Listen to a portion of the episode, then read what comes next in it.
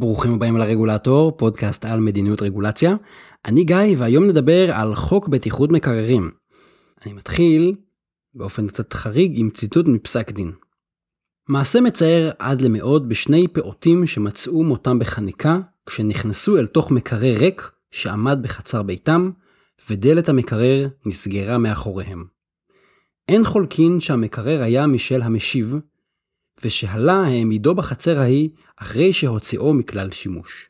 סוף ציטוט. כך נפתח פסק דין של השופט חיים כהן בהליך הפלילי נגד מרדכי בש. בסופו של דבר, מרדכי בש הורשע, בסוף גם uh, שורה של ערעורים, עד שהנושא הזה גם הגיע לעליון. הסיפור של מרדכי בש זעזע את המדינה באותה תקופה. לא בגלל מה שמר בש עשה או לא עשה, כנראה שהוא היה צריך להבטיח שהמקרר לא יהיה מסוכן, אלא בגלל הסיפור, בגלל המוות המזעזע והמיותר של שני ילדים ששיחקו בחצר, נכנסו לתוך מקרר, ננעלו בתוך המקרר ונחנקו למוות. אנחנו מדברים על שנות ה-60 בישראל, פסק הדין ניתן בשנת 1964. ובאותה תקופה למקררים הייתה ידית פתיחה חיצונית שהיא ממש פותחת בריח כזה, זה לא כמו היום שזה גומי ומגנט, ואי אפשר היה לפתוח את המקררים מבפנים. ילדים ששיחקו במקרר היו עלולים להיתקע בתוכו בלי יכולת לצאת. אז איך אנחנו מונעים את האסון הבא? יש למדינה ארגז כלים מאוד מגוון. בואו נסתכל ככה טעימה מהספקטרום הזה.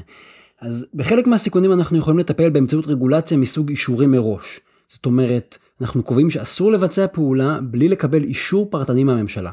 למשל לקבל רישיון או היתר מראש. כמובן שכדי לקבל את האישור הזה צריך לעבור איזשהו תהליך אז משטר של אישורים מראש נותן לממשלה שליטה חזקה אבל יוצר בירוקרטיה. בחלק מהסיכונים אני יכול אולי לטפל באמצעות רגולציה של נורמות מחייבות, לקבוע כלל מה חייבים לעשות, מה אסור לעשות, ולאכוף אותו באמצעות פיקוח ואכיפה. למשל, כללים של אסור, מותר, חייב, אנחנו מכירים את זה מהמון המון תחומים. יש סיכונים שבהם המדינה בכלל לא צריכה להתערב באמצעות רגולציה, אלא להשתמש במשפט הפלילי הרגיל ובתביעות אזרחיות כדי למצות את הדין. זאת אומרת, אני יכול להעמיד אה, אנשים לדין על רצח או על גניבה, לא צריך אה, רגולציה מיוחדת לזה, וכמובן אנשים יכולים להגיש תביעות על נזק שנגרם להם.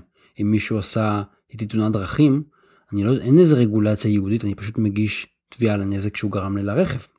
יש גם uh, עוד משפחה שלישית של כלים שנקראת uh, רגולציה מתקדמת וכלים לא רגולטוריים, אבל אני מעדיף לא להרחיב עליהם uh, כרגע בפרק הזה.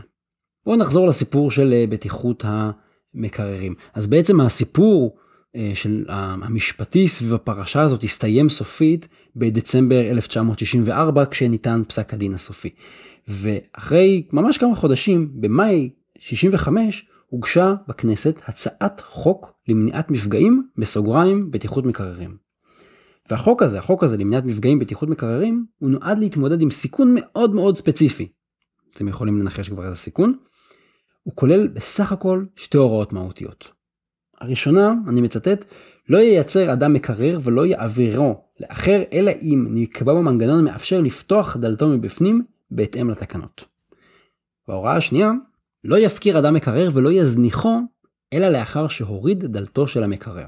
קודם כל אנחנו רואים שזאת רגולציה מסוג נורמות מחייבות. אף אחד לא צריך לקבל אישור מראש, ואין תהליך בירוקרטי, אין פה רשם המקררים, אבל שימו לב שלא חייבים לקבוע אישור מראש גם כשמדובר בסיכון חמור, והכנסת השכילה להבין את זה, והיא נמנעה מלקבוע מנגנון בירוקרטי, למרות שכנראה שהיו בציבור קריאות שדרשו רישוי מקררים.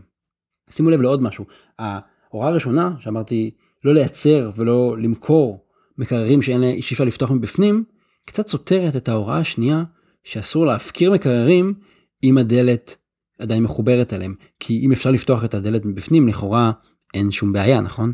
ומצד שני, אם אנחנו לא מפקירים ולא זונחים מקררים, אלא כשאנחנו עוקרים להם את הדלת, אז בכלל לא רלוונטי איזה מנגנון פתיחה יש. אז במידה מסוימת יש פה סוג של כפילות, תשימו לב לזה. בואו נסתכל על דברי ההסבר להצעת החוק הזאת, דברי הסבר מאוד מאוד קצרים, זה בסך הכל 70 מילים, אני מצטט אותן. ביום רביעי במרס 1962 אירע אסון מחריד בחיפה, כששני ילדים נכנסו למקרר נטוש, הדלת נסגרה עליהם והם נחנקו למוות בתוך מלכודת המקרר בלא יכולת לצאת. כדי למנוע תקלות מעין אלו, באה הצעת חוק זו לקבוע הוראות האוסרות ייצור מקררים או מכירתם מבלי שיותקנו בהם דלתות שמאפשרות פתיחתם מבפנים. כן מחייבת ההצעה את כל הנוטש מקרר לפרק מעליו את הדלת. חוקים ברוח זו קיימים גם בארצות הברית. הם נחקקו לאחר אסונות דומים שאירעו שם. חייב להגיד, התיאור של המקרה הוא די מצמרר. החוק הזה עבר בשלוש קריאות בכנסת והוא נכנס לספר החוקים ביולי 1965. סך הכל מרגע הצעת החוק עד שהוא עבר לקחו בערך חודשיים ואת הנוסח הסופי אתם יכולים למצוא בלינק שצירפתי בבלוג. אגב, שימו לב שכנראה שברשות הפלסטינית אין כזה חוק או אין מספיק אכיפה. אני מודה שלא טרחתי לחפש בחקיקה הפלסטינית, אבל אנחנו שומעים בתקשורת שיש מקרים כאלה שקורים שם בשנים האחרונות. אז הסיפור הזה של חוק המקררים נותן לנו הזדמנות להסתכל על חוק ולשאול איך רגולציה באה לעולם.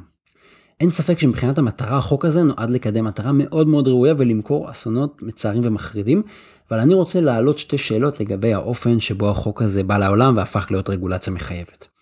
השאלה הראשונה היא האם הכנסת הייתה צריכה להתערב במתן פתרון כל כך ספציפי. בשיטה הדמוקרטית הכנסת היא הגוף שקובע את הנורמות העליונות, את החוקים.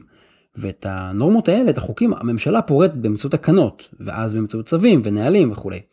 אז האם זה נכון שהכנסת תקבע מיקרו חוק שעוסק בסוגיה כל כך צרה? זה חוק שלא עוסק בבטיחות ילדים באופן כללי ולא עוסק בייצור מקררים אלא רק בבטיחות מקררים ולגבי הדלת. לשם ההשוואה יש לנו את פקודת הנזיקין למשל, היא קובעת מסגרת לכל המקרים שמישהו גורם למישהו אחר נזק.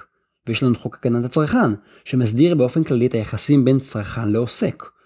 זה יכול להיות איסור של הטעיה, ואיך מקבלים החזר על כספי, וחלוקה לתשלומים, ותוך כמה זמן עונים לטלפון. יש לנו המון המון נורמות, בצורה מאוד מאוד רחבה. אז האם לא יותר נכון שהכנסת תעסוק בחקיקה העקרונית, ובנושאים המקרו, ותשאיר לממשלה להסדיר נושאים יותר פרטניים. ופה אני ככה שם הסתייגות אני אומר אחד יכול להיות שלא היה חוק שהסמיך את הממשלה בכלל לטפל בנושא הזה והיו חייבים איזשהו חוק ראשוני שיפתח את הנושא ושתיים צריך להגיד כן שהחוק הזה מסמיך את שר המסחר להתקין תקנות ובתוך התקנות הוא עושה יותר drill down פירוט יותר טוב אבל אולי היה צריך לתת לממשלה לקבוע את הכל וזהו. אני מעלה את זה כי בימינו הכנסת מעבירה מדי פעם חוקים ממש ממש ספציפיים לפעמים אפילו אני אגיד אנקדוטליים. היה לנו את חוק הקופאיות זה כינוי של לחוק שהשם הרשמי שלו זה חוק הזכות לעבודה בישיבה ובתנאים הולמים. חוק שאומר בעצם שקופאיות צריכות לקבל כיסא. ומאחר שמדובר בנושאים מאוד פרטניים והליך חקיקה בכנסת הוא מאוד ארוך ומסורבל, אולי עדיף שדברים כאלה ייקבעו על ידי הממשלה. גם מלכתחילה אבל גם כדי לאפשר גמישות והתאמה בעתיד. כי אם אני צריך לתקן את החוק הזה מתישהו אני צריך עכשיו כל פסיק ללכת לכנסת שלוש קריאות דיונים בוועדה חובת הנחה המון זמן. חוץ מזה אם הכנסת תתעסק במקרו, אנחנו נוכל לפנות את הכנסת לעסוק בנושאים יותר גדולים וגם בפיקוח על הממשלה. אז זאת שאלה אחת שאני מעלה, האם באמת זה התפקיד של הכנסת להתעסק בזה?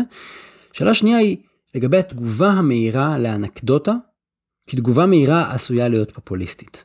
יש לי חשש כשחברי כנסת ממהרים לחוקק בעקבות פרשה מזעזעת, ואם תשימו לב, הרבה פעמים ככל שהפרשה יותר מזעזעת, כך זמן התגובה מתקצר. כש... קורה משהו מאוד מאוד נוראי לפעמים תוך יממה 48 שעות כבר יש קריאות להצעת חוק או הצעת חוק מנוסחת כבר.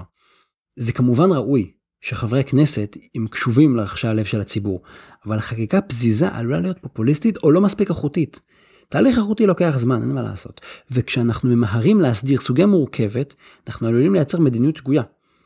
אין לי פה איזושהי ביקורת קונקרטית על החקיקה שעברה ב-1965 אני לא יודע בדיוק מה הלך שם אבל באופן כללי אם מישהו רוצה להעביר חוק או לקבוע מדיניות על משהו שקרה לפני בואו נגיד פחות משבועיים, שימו לכם תמרור אזהרה גדול, אולי כדאי שהוא יעשה עם עצמו עוד קצת חושבים. מה אנחנו יכולים לקחת מהסיפור הזה של חוק בטיחות מקררים? אני אשאיר אתכם עם שתי תובנות קצרות. אחת, אפילו כשהסיכון מאוד גדול ויש לנו איזה סיפור מזעזע על מוות מיותר של שני ילדים, לא חייבים רישוי. לא חייבים מנגנון בירוקרטי של בדיקה מראש כדי להגן על הציבור. בדיקה מראש לא נותנת לנו בהכרח יותר בטיחות.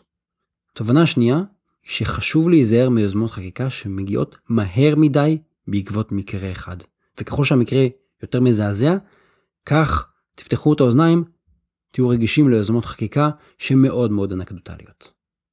עד כאן להפעם, אתם מוזמנים להמשיך לשלוח אליי שאלות למסנג'ר של עמוד הפייסבוק, אני אשתדל לענות עליהן. תודה שהאזנתם לעוד פרק של הרגולטור, כדאי לעשות מנוי באפליקציות השונות כמו פודקאסט אדיקט, כך לא תפספסו פרקים, אתם מוזמנים לעקוב אחריי גם בבלוג וגם בפייסבוק. בבלוג תוכלו למצוא לינקים למקורות ולפוסטים בנושא, למשל להצעת החוק המקורית מ-1965. תודה רבה לרן שיר על עריכת הסאונד, התכנים משקפים את דעותיי בלבד.